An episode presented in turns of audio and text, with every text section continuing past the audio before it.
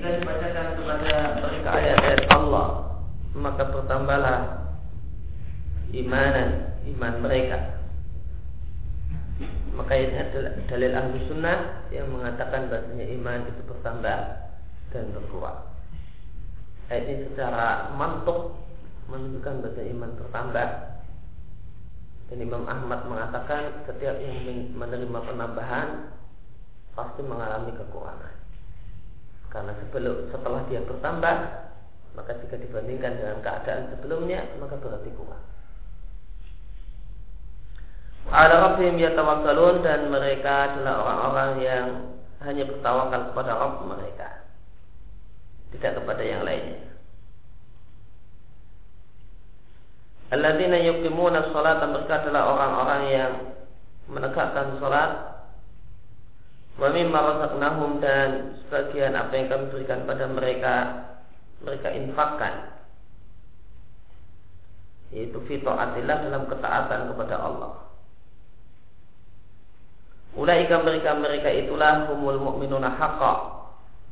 Mereka lah seorang mukmin yang sejati lahum darajat untuk mereka derajat yaitu kedudukan di surga hingga Rabbim di sisi Rabb mereka dan ampunan dan rezeki yang mulia yaitu yang dimaksud rezeki yang mulia adalah fil jannah di surga.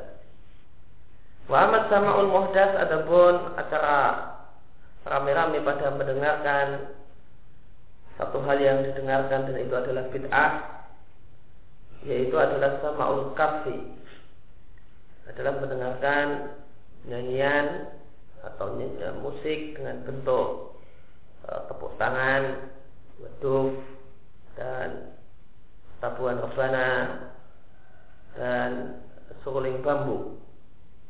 Maka tidaklah para sahabat dan orang-orang yang mengikuti mereka dengan baik dan semua para imam-imam agama ini yang akabir yang yang senior, yang hebat menjadikan hal ini yaitu musik dan nyanyian sebagai jalan untuk mendekatkan diri kepada Allah Taala.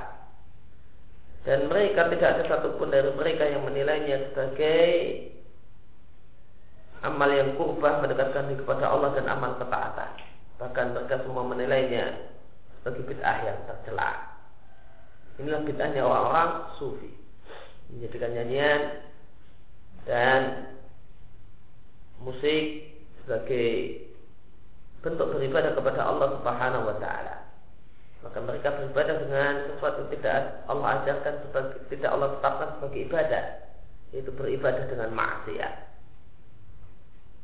Maka di antara faedah bid'ah adalah siapa yang menjadikan kemaksiatan sebagai alat untuk mendekatkan diri kepada Allah Subhanahu wa taala, maka dia telah berbuat bid'ah. Contohnya adalah bid'ahnya orang-orang sufi yang menjadikan maksiat yaitu uh, konser musik sebagai alat untuk mendekatkan diri kepada Allah Subhanahu wa taala. Sampai-sampai Imam Syafi'i mengatakan tentang nyanyian sufi yang nyanyian ini dijadikan alat untuk mendekatkan diri kepada Allah Subhanahu wa taala meskipun sebagian nyanyiannya berisi tentang zuhud, tentang eh, semangat untuk beribadah dan yang lainnya Imam Syafi'i mengatakan khalaf di Baghdad. Ketika beliau berangkat ke Mesir, beliau mengatakan, aku tinggalkan di Baghdad sesuatu yang dibuat-buat oleh Al-Zanatiqah yaitu Sufiyah. Beliau menyebut Sufiyah dengan Zanatiqah. Dan orang-orang zindik, orang-orang yang tidak merusak Islam. Zindik adalah orang-orang yang tidak merusak Islam dengan menampakkan dirinya sebagai kaum muslimin. Yusamunaha tawfira Mereka membuat nyanyian yang itu dijadikan sebagai alat mendekatkan diri kepada Allah yang disebut dengan takbir. Yang di zaman ini disebut dengan nasyid. Ya. Zaman Imam Syafi'i disebut takbir, di zaman ini disebut nasyid. Disebut dengan musik Islami.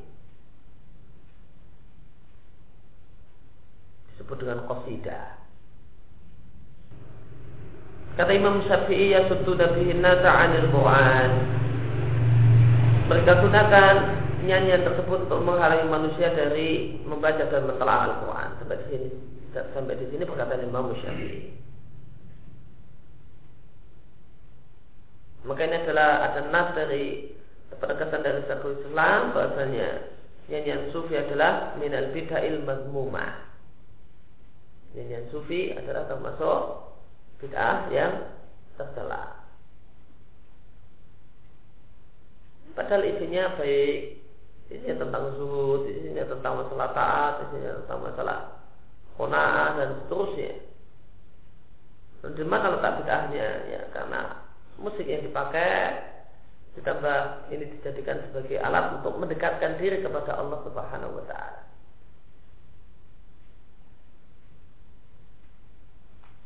Wa awli Allah al-arifun dan para wali-wali Allah yang mengetahui yaitu mengetahui hal tersebut. Dan mengetahui dan meyakini bahasanya dalam acara semacam ini setan mendapatkan jatah yang banyak. Maka mereka yang mengetahui hal tersebut bertobat darinya. Oleh karena itu bertobat dari mengikuti acara semacam ini khiyaruman orang-orang yang terbaik yang menghadiri acara tersebut dari mereka yaitu para wali Allah yang arifun. Adapun orang yang makin yang lebih jauh dari ilmu dan dari kewalian kepada Allah yang sempurna, maka bagian setan pada dirinya makin banyak. Dan kata Syekhul Islam, bahwa nyanyian ya, semacam itu adalah bagikan khamar. Nyanyian itu tak ubahnya tak jauh beda dengan khamar bahkan kata beliau bahkan nyanyian itu lebih memberikan pengaruh ke dalam jiwa lebih besar daripada pengaruh khamar. Oleh karena itu jika jika kuat mabuknya orang yang mabuk musik ini maka setan pun turun dan setan pun berbicara dengan menggunakan lisan sebagian mereka. Dan setan pun membawa sebagian mereka menggendong mereka ke udara. Bahkan terjadi terkadang terjadi di antara mereka permusuhan. Sebagaimana permusuhan itu terjadi di antara para peminum khamar lalu ketika terjadi permusuhan terjadi gontokan terjadi perkelahian maka setan salah satu dari mereka lebih kuat daripada setan yang lain. Akhirnya ya, sebagian mereka membunuh yang lain dalam acara tersebut. Wayadunu juhal dan orang-orang yang tidak paham mengira bahasanya hal ini yaitu salah seorang mereka membunuh orang lain dalam acara itu acara pembunuhan ini adalah dikira oleh sebagian orang-orang yang bodoh dan termasuk karomah Allah. Karomah yang Allah berikan kepada wali-wali Allah yang bertakwa. Padahal jelas perbuatan membunuh orang ini menjauhkan pelakunya dari Allah. Dan ini adalah kejadian luar biasa yang berasal dari setan. Karena sesungguhnya membunuh seorang muslim itu tidaklah halal alias haram kecuali dengan alasan yang Allah bolehkan yaitu kisah rajam, sangat zina dan yang lain. Maka bagaimanakah mungkin qatlul ma'sum membunuh seorang yang terjaga darahnya?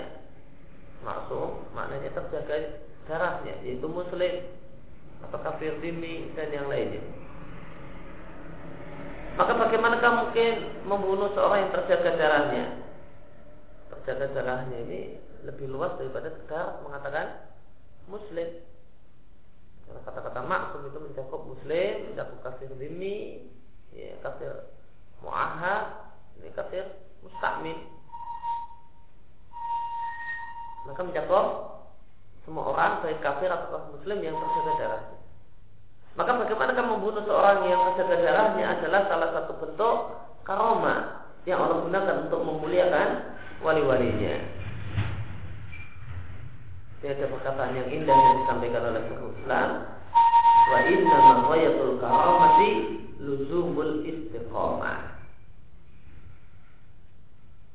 kalimat yang sangat indah yang disampaikan oleh Syekhul Islam wa inna baghayatul karamah luzumul istiqomah dan sesungguhnya karomah yang paling hebat adalah istiqomah di atas agama Allah bukan kemampuan luar biasa.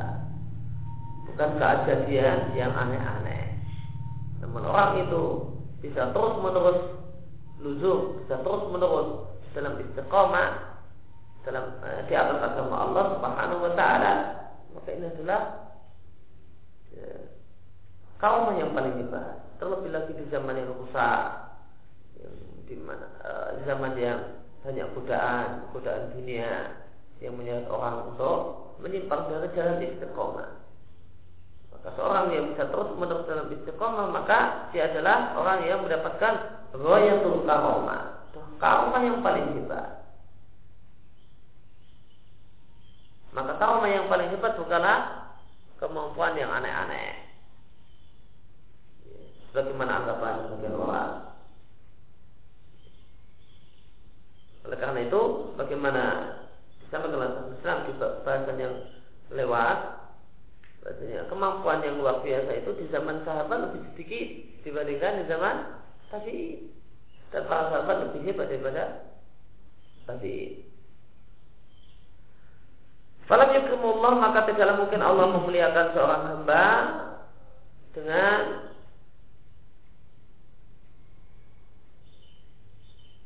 maka tidak ada pemuliaan yang lebih hebat yang Allah berikan kepada hamba sebagaimana Allah membantu seorang hamba tersebut untuk melakukan apa yang Allah cintai dan Allah ridai. dan menambahkan seorang hamba itu semakin mendekatkan diri kepada Allah dan meninggikan derajat seorang hamba. Jika ada karomah yang lebih hebat yang Allah berikan daripada semisal bantuan Allah yaitu taufik Allah atas seorang hamba sehingga hamba tersebut bisa melakukan amal yang dicintai dan diridai Allah Allah Subhanahu wa taala. Wadali hal tersebut karena kemampuan luar biasa itu ada yang eh, adalah yang termasuk dalam kategori dalam bentuk ilmu yaitu semacam kasar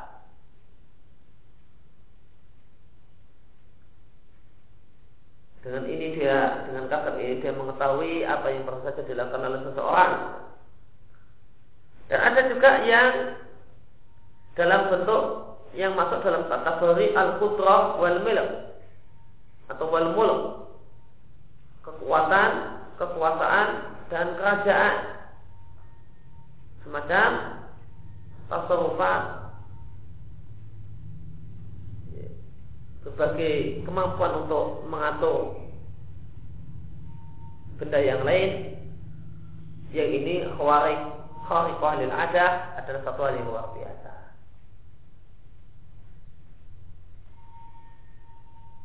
Semacam berjalan di atas air terbang di atas udara. Maka ini min jinsil kudrah wal mulk. Kemudian yang ketiga ada ada karomah yang masuk dalam kategori ya, anugerah yang Allah berikan kepada banyak orang di zahir secara lahiriah. Maka ada karomah berupa ilmu. Ya orang yang sangat pintar, kan ini karomah orang yang sangat luar biasa hafalannya, luar biasa ya, pemahamannya, sultan atau diberikan kekuasaan, diberi jabatan, atau diberi harta dan diberi kekayaan. Maka boleh jadi itu termasuk adalah uh, khawarik ketika bisnis cuma sebentar sudah langsung kaya raya, nah ini khawarik. Dan semua yang Allah berikan pada seorang hamba dari perkara-perkara di atas atau yang lainnya, maka jika dimanfaatkan oleh hamba tersebut, ista'ana bihi.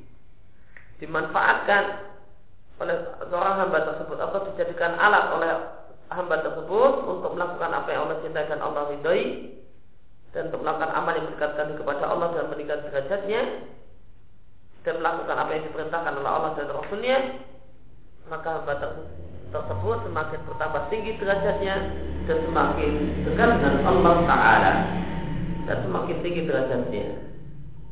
Namun jika nikmat-nikmat tersebut yang Allah berikan pada hamba tadi dimanfaatkan oleh hamba tersebut untuk melakukan apa yang dilarang oleh Allah dan Rasulnya, untuk melakukan kesyirikan, untuk melakukan kezaliman, untuk melakukan fawahid dosa-dosa besar, maka orang tersebut berhak mendapatkan celaan bahkan hukuman. Dan jika Allah Subhanahu wa taala tidak ya rohmu menyelamatkannya dengan memberikan taufik kepadanya untuk bertobat dan memberi dan memberikan taufik kepadanya untuk melakukan kebajikan yang besar yang menghapus dosa-dosanya maka jika Allah tidak menyelamatkannya dengan semacam itu maka statusnya adalah sebagaimana orang-orang yang semacam itu yang melakukan berbagai perbuatan dosa yaitu minat muzibi itu para pendosa yang lain oleh karena itu sering kali Allah Subhanahu wa taala memberikan hukuman kepada orang yang memiliki kemampuan yang aneh-aneh. Dengan Allah hilangkan kemampuan, eh, dengan Allah hilangkan nikmat yang Allah berikan padanya. Misal seorang yang dia dulunya raja, kemudian dihilangkan dia dari kerajaannya, tidak lagi menjadi raja. Atau seorang yang dulunya berilmu kemudian dihilangkan ilmu dari dirinya. Dan terkadang Allah memberikan hukuman dengan menghilangkan amal-amal sunnahnya. Dia jadi malas melakukan amal-amal nafilah. Cuma dulu rajin wajib dan nafilah, sekarang cuma tinggal wajibnya saja. Dan dengan ini maka dia turun minal walayatil khasah ilal ammah dari seorang wali yang istimewa karena melakukan amal wajib dan amal sunnah yaitu yang disebut oleh Islam dengan al-muqarrabun. Menjadi walayah amma. Yang ini yaitu hanya melakukan amal. Amal-amal yang wajib saja yaitu sama dengan al-muqtasidun. Turun dan ini hukuman Allah Subhanahu wa taala. Maka di antara hukuman Allah adalah orang dibuat malas melakukan amal amal amal sunnah. Padahal dulunya rajin Watautan lebih parah lagi, terkadang Allah berikan hukuman dengan orang tersebut turun derajatnya dari seorang wali Allah dari orang yang soleh berubah menjadi berada di derajatnya orang-orang fasik. Bahkan terkadang hukumannya adalah berupa dibuat murtad dari Islam dan kejadian ini yaitu murtad dari Islam banyak terjadi pada orang-orang yang memiliki kemampuan luar biasa bantuan setan. Maka banyak dari mereka yang murtad dari Islam. Dan banyak dari mereka tidak tahu Kalau kemampuan luar biasa ini adalah bantuan setan. Bahkan dia kira ini adalah karomah Untuk wali Allah. Yadunnu Dan ada orang yang punya prasangka. Bahasanya Allah Azza wa Jal Jika memberikan pada seorang hamba kemampuan luar biasa maka Allah tidak akan menghisap hamba tersebut berkaitan dengan amal luar, kemampuan luar biasanya. Sebagaimana sangkaan bahasanya Allah Subhanahu wa taala jika memberikan kerajaan kepada seorang hamba, watasawufan dan kemampuan dan izin untuk mengatur orang-orang di sekelilingnya atau memberikan padanya harta, maka Allah tidak akan menghisap apa yang dia lakukan berkaitan dengan nikmat yang Allah berikan padanya. Dan di antara mereka orang-orang yang Allah berikan kepadanya kemampuan luar biasa, ada yang memanfaatkan kemampuan luar biasa tersebut untuk melakukan perkara-perkara mubah. Bukan perkara yang diperintahkan, bukan perkara yang dilarang. Maka orang yang wali yang punya kemampuan luar biasa dan kemampuan luar biasanya ini digunakan untuk perkara yang mubah, ini kata beliau, yakunu min umumil awliya. Ini walinya statusnya adalah wali yang umum. Bukan wali yang istimewa. Yaitu al-asral al-muqtasidun. Adapun asabikuna dan al-muqarrabun wali yang derajatnya lebih tinggi yaitu asabikuna dan al-muqarrabun maka lebih mulia daripada mereka-mereka. Mereka tidak akan menggunakan kemampuan luar biasa kecuali untuk taat. Sebagaimana seorang hamba yang jadi rasul itu lebih tinggi derajatnya daripada seorang nabi yang menjadi raja.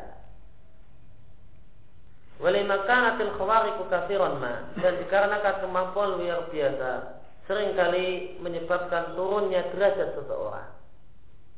Karena orang yang punya kemampuan luar biasa itu ujub, akhirnya malah turun derajatnya. Derajatnya di sisi Allah. Maka banyak dari orang-orang yang saleh bertobat dari semisal itu, dari karomah yang dia dapatkan. Karena ketika dia dapat dapatkan karomah, dia rasakan hatinya ujub. Akhirnya dia malah bertobat. Akhirnya dia pun memohon ampun kepada Allah Subhanahu wa taala sebagaimana dia bertobat dari zina semacam uh, bertobat dari dosa semacam zina dan mencuri. Dan ditawarkan kemampuan luar biasa ini kepada sebagian orang yang saleh, lalu dia pun memohon kepada Allah agar dihilangkan dari dirinya.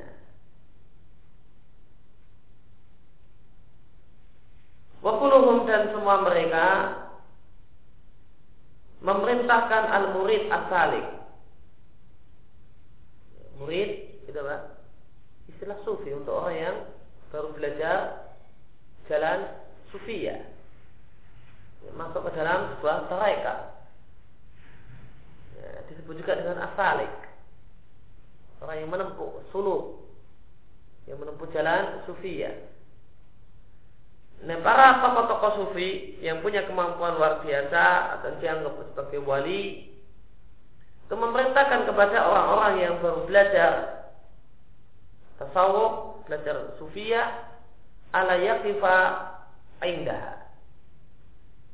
Janganlah dia berhenti ya, pada karoma.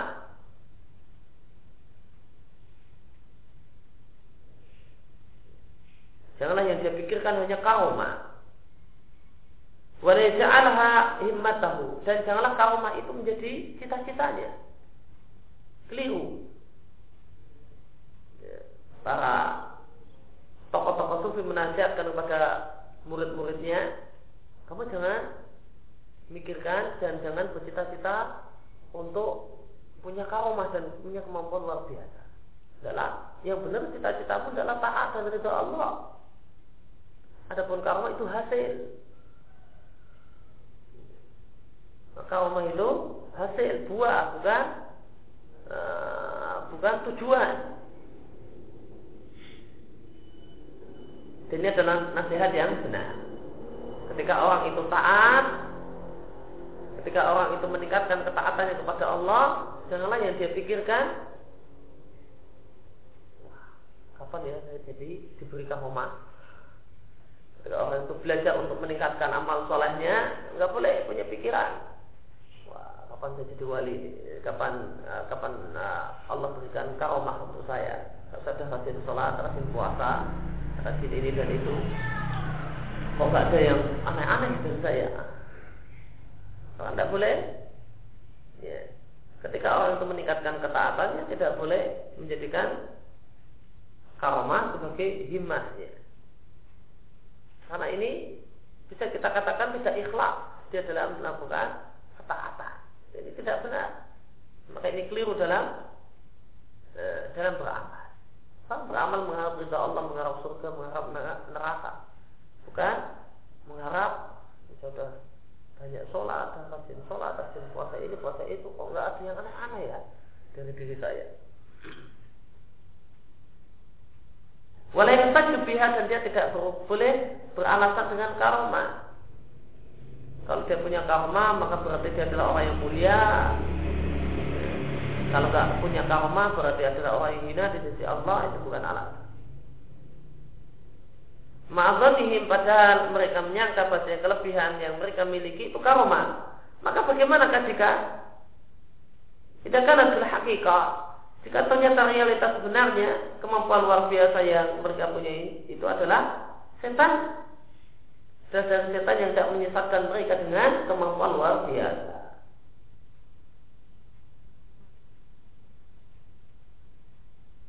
nasihat ini disampaikan oleh seorang tokoh sufi atau guru sufi dia sampaikan kepada muridnya karena dia karena guru sufi ini punya anggapan, para guru sufi ini punya anggapan bahwa kemampuan luar biasa yang dia miliki adalah kaum dari Allah.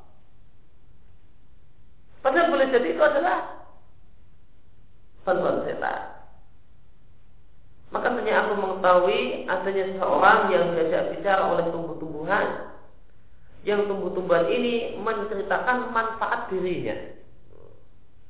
Bayam ngomong manfaat bayam itu ini ini ini ini nah, kepada seseorang atau tumbuhan yang lain ngomong manfaat saya adalah kegunaan saya faedah saya adalah gini gini gini.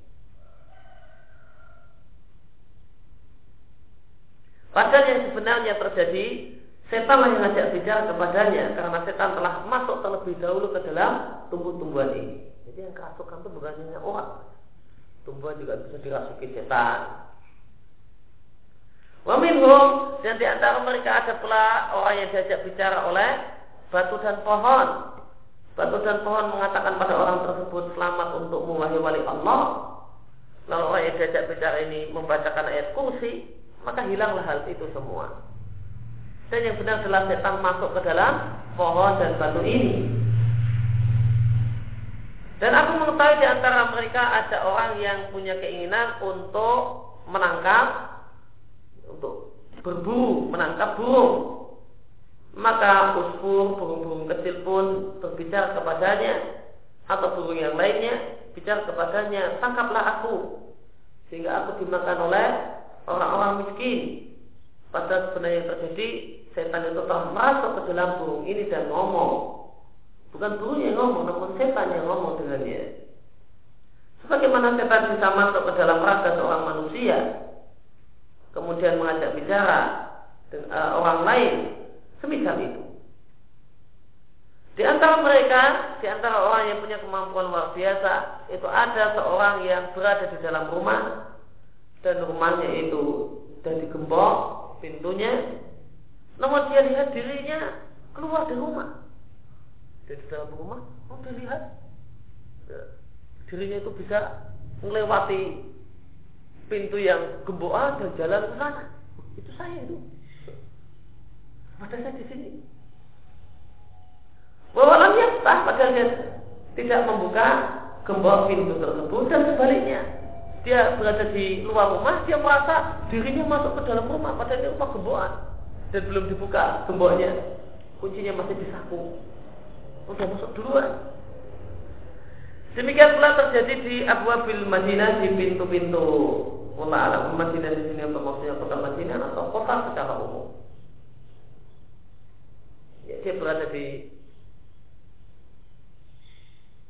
misalnya kita maknai Madinah ini kota secara umum dia merasa belum masuk pintu gerbang kota. Masih duluan lalu dia lihat dirinya sudah masuk terlebih dahulu dan sebaliknya. Padahal yang terjadi jin itu memasukkan dia ke dalam rumah tadi atau mengeluarkannya dengan cepat. Itu yang terjadi. Dan terkadang ada orang yang jin itu memperlihatkan pada dirinya banyak cahaya atau yang diberi kemampuan luar biasa oleh jin dengan jin itu mendatangkan di hadapannya orang yang dia cari-cari. Dia kangen dengan siapa. Jin mendatangkan orang yang dia kangeni dan ngobrol duduk-duduk kemudian pergi pulang. Padahal yang terjadi adalah setan itu berupa dengan rupa sahabat yang dia cari dengan orang yang dia inginkan. Oleh karena itu, jika ada orang yang membacakan ayat kursi, maratan pada ukhra beberapa kali ketika ada kejadian ini maka hilanglah itu semua. Dan aku mengetahui ada orang yang diajak bicara oleh suara yang mengajak bicara. Lalu suara tersebut mengatakan ana min amrillah. Aku adalah ketetapan Allah Subhanahu wa taala.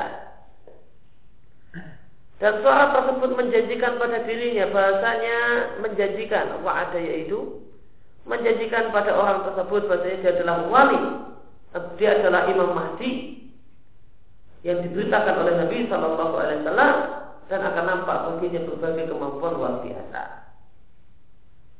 Semisal jika terlintas di dalam hatinya tasawufun pengaturan yang mengatur burung atau mengatur belalang yang ada atau yang terbang di udara atau mengatur hewan-hewan ternak maka akan terwujud apa yang terlintas dalam benaknya.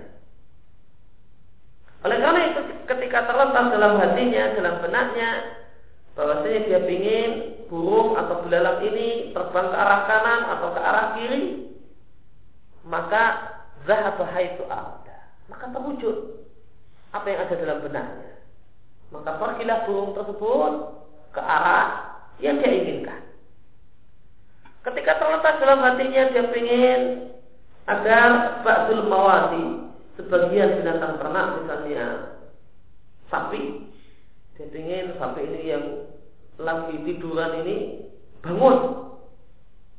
Atau yang bangun dia ingin agar tidur. Atau yang lagi diam ingin supaya jalan-jalan supaya pergi. Hasolalan rumah kemudian terwujudlah apa yang dia inginkan.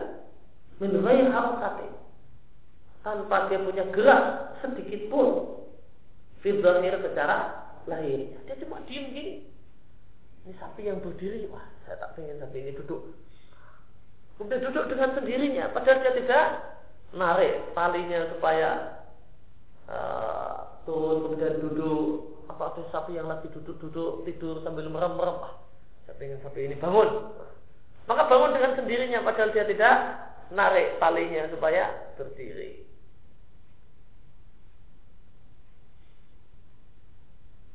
Watamiluhu kemudian setan itu pun membawanya ke Mekah.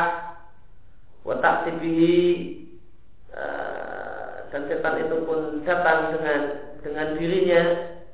Watak tinggi dan dan setan mendatangkan pada orang tersebut di sosok-sosok dalam rupa yang sangat cantik. Lalu suara tadi yang sebenarnya adalah setan berkata kepada orang ini, sosok-sosok ini adalah para malaikat, ya, biun, yaitu malaikat-malaikat yang dekat dengan Allah. Mereka ingin mengunjungi rumahmu. Lalu dia batin dalam hatinya. Nah, lalu orang ini yang dibilangin kalau dia ada malaikat yang datang ke rumahnya mau ziarah ke rumahnya. Ini mati. Kenapa kok rupanya adalah rupa muda?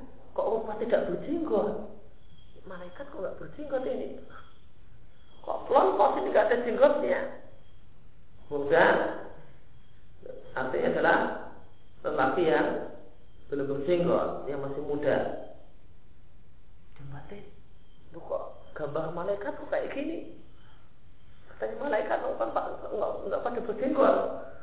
Fayar Pak tahu artinya dia dangakkan kepalanya kedua kalinya maka dia jumpai yang tadi belum berjenggot pada berjenggot semua.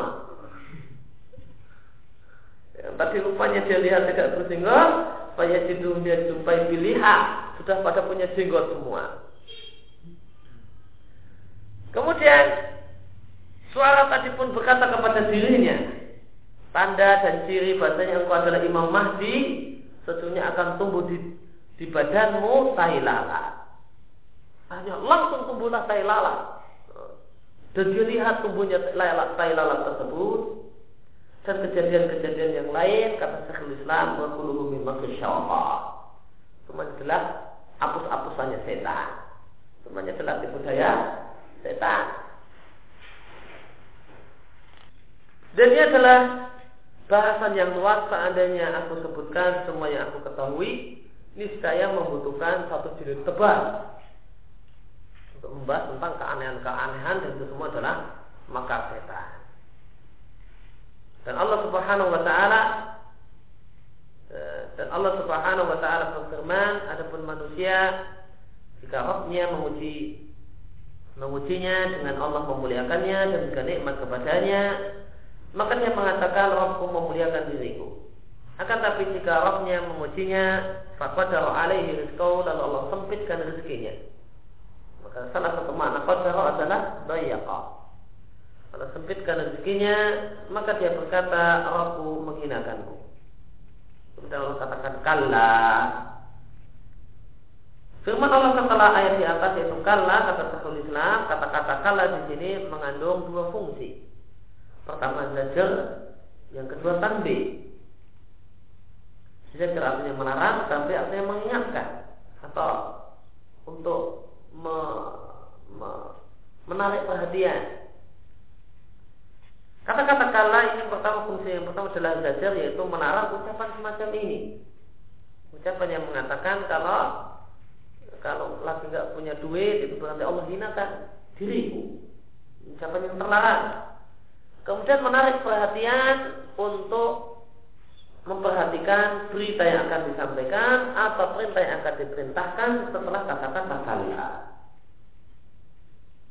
dan hal tersebut sesungguhnya tidaklah semua orang yang mendapatkan nikmat-nikmat duniawi yang nikmat duniawi itu dihitung atau dinilai sebagai karomah ternyata benar-benar Allah memuliakannya. Dan tidak semua orang yang qadara alaihi dzalika qadara alaihi dzalika tanpa Allah sempitkan hal tersebut pada dirinya maka dia adalah orang yang hina dengan sebab hal tersebut. Bahkan Allah Subhanahu wa taala menguji hambanya terkadang dengan kesenangan dan terkadang dengan kesusahan. Dan terkadang Allah memberikan nikmat duniawi kepada orang yang tidak Allah cintai. Dan kepada orang yang tidak dan uh, kepada orang yang bukanlah orang yang mulia di sisi Allah. Dan Allah berikan kepadanya nikmat dunia untuk apa? Istidraj. Agar semakin dia banyak berbuat maksiat. Dan terkadang Allah jaga orang yang Allah cintai dan orang yang Allah cintai dari nikmat-nikmat tersebut malah tidak diberi nikmat. Terkadang orang yang Allah cintai malah Allah jaga dari nikmat tersebut dalam maksiat tidak Allah beri nikmat. Supaya martabatnya di sisi Allah tidaklah berkurang dengan sebab nikmat duniawi dan supaya orang tersebut tidak tersumus dengan sebab nikmat duniawi dalam perbuatan yang Allah beri. Allah tahu kalau orang ini Allah berikan kekayaan, dia malah jadi ahli maksiat. Maka Allah cegah dia dari kekayaan. Karena supaya dia tidak melakukan maksiat, karena Allah mencintainya.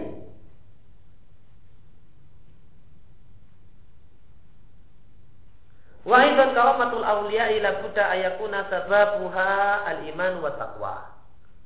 Fama kana sababu al-kufr wal fusuq wal isyanu fa huwa min khawariqi a'da'illahi la min kaumati awliya ilahi فمن كان كرامته لا تحصل في الصلاة والقراءة والذكر وقيام الليل والدعاء وإنما تحصل عند الشرك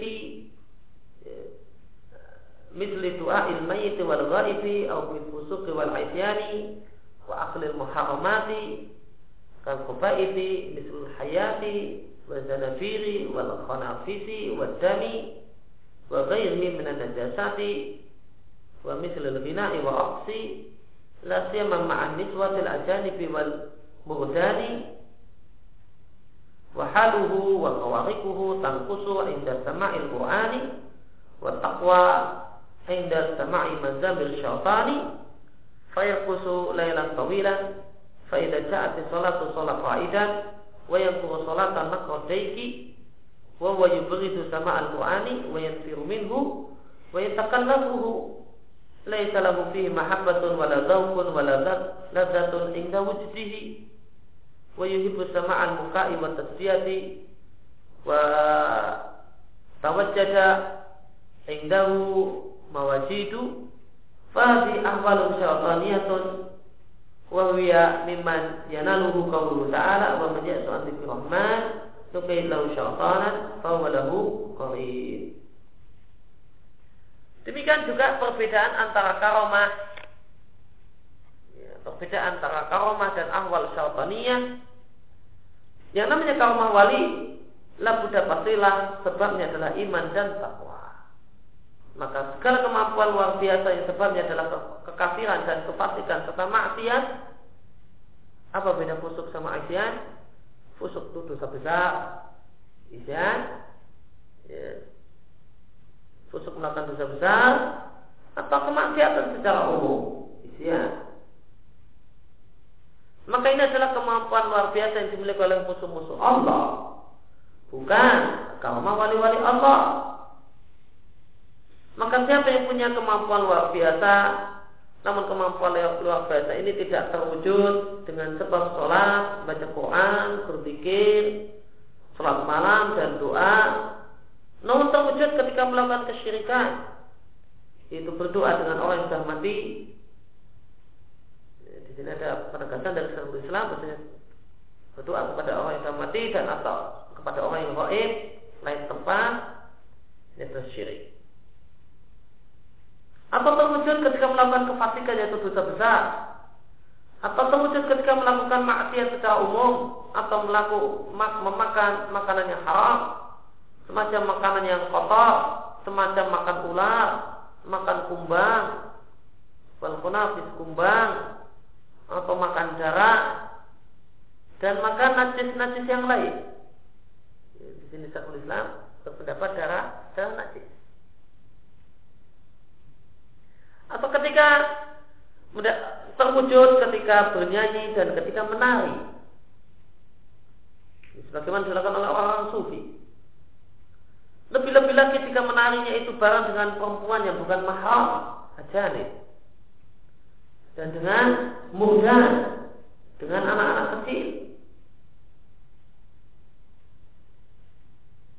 kata sebagian salat pada pada perempuan ada satu setan dan pada murdan ada sepuluh setan.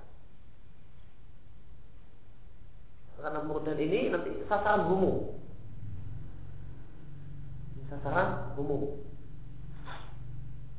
Dan bumu lebih bahaya daripada zina. Wahaluhu dan kemampuan luar biasanya salah satu mana hal itu kemampuan luar biasa. Wa dan kemampuan luar biasanya keanehannya itu berkurang ketika mendengar Quran dan semakin hebat pada saat mendengar seruling setan di dalam musik. Buktinya dia bisa berpikir sambil menari semalam suntuk, lelam tawilah, sepanjang malam. Dan ketika datang waktu sholat subuh, maka sudah lemas kakinya, Pas sholat faidan maka cuma bisa sholat sambil duduk. Itu pun yang perlu sholat tanpa kodei. Dan sholat sambil duduk ngebut lagi. Mematuk dalam sholatnya. Sebagaimana ayam jago mematuk jago atau yang lainnya. Dan orang ini membenci dan benci jika mendengar suara Al-Quran. Wayan anhu. Dan lari meninggalkan surah Al-Quran. Ya, lari di sini maksudnya larinya hati. Ya, itu tidak betah. Kata orang Jawa tidak jenak. Wayatakallafuhu dan dia perlu takalluh, perlu memaksakan diri untuk bisa mendengarkan Quran. Kenapa? Karena tidak ada pada dirinya rasa cinta kepada Quran, tidak ada perasaan dan rasa Ah, dan rasa lezat indah wujdihi ketika menghayati Quran.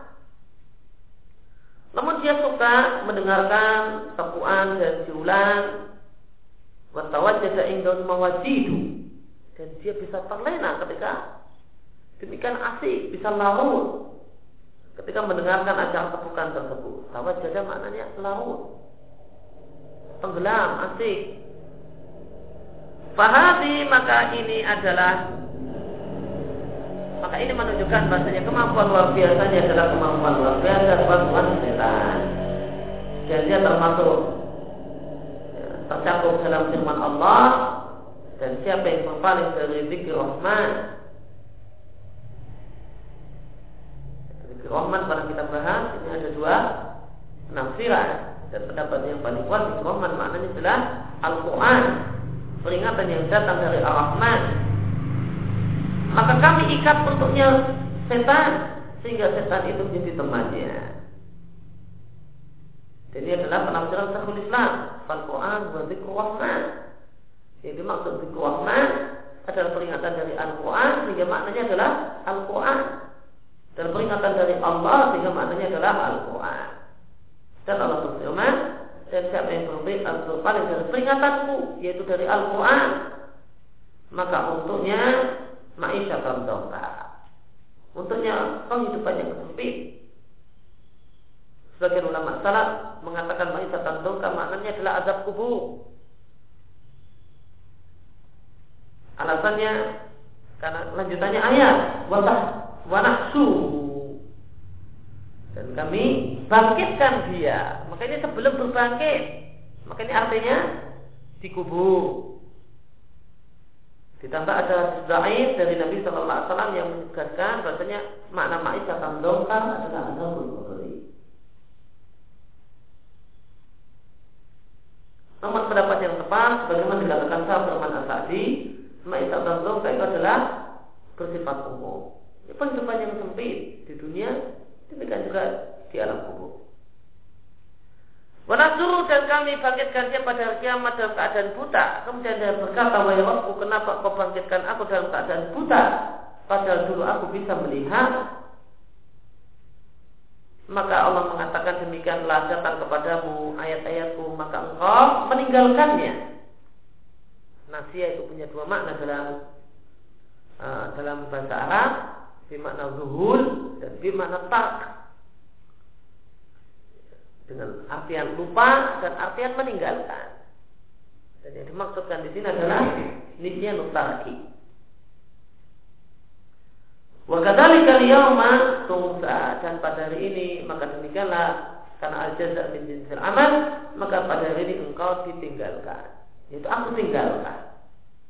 Maka di sini terdapat isbat nisyan mutarki kepada Allah Subhanahu wa taala. Maka di antara sifat Allah Subhanahu wa taala adalah nisyan, namun nisyan di mana tarki. Maka nisyan di mana tarki adalah minas sifat subutiyah, termasuk sifat yang ada pada Allah. Sedangkan uh, nisyan nuzuhur itu adalah minas sifat manfiyah. Adalah sifat yang tidak ada pada Allah Subhanahu wa taala. Di sini ada penjelasan dari Syekhul Islam tentang makna panasitaha. Yakni artinya tautal amala biha. Engkau meninggalkan beramal dengan ayat-ayatku.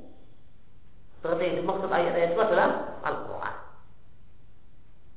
Ibn Abbas mengatakan Allah memberikan jaminan siapa yang membaca Al-Quran dan mengamalkan isi kandungannya Allah beri dua janji pertama tidak sesat ketika di dunia dan yang kedua tidak akan dilupakan, tidak akan ditinggalkan oleh Allah di akhirat. Kemudian beliau membaca ayat di atas. Diatkan oleh Ibn Abi Syaibah dan Musonab dan yang lainnya kata muhakik berdasarkan banyaknya jalur-jalur ini maka insya Allah ini adalah riwayat yang sahih dan itu dan dan Syekhul Islam Jamiyah demikian juga Ibnu Qayyim telah menegaskan kesahihan nisbat tafsir ini kepada Ibnu Abbas. Bagaimana Ibnu Qayyim di Miftah dari Sa'adah. Demikian kita bisa baca dalam kesempatan pada ini wa sallallahu ala nabiyina Muhammad wa ala alihi wa sallam wa sallam alhamdulillah rabbil alamin. Fiikum wa syada la ilaha illa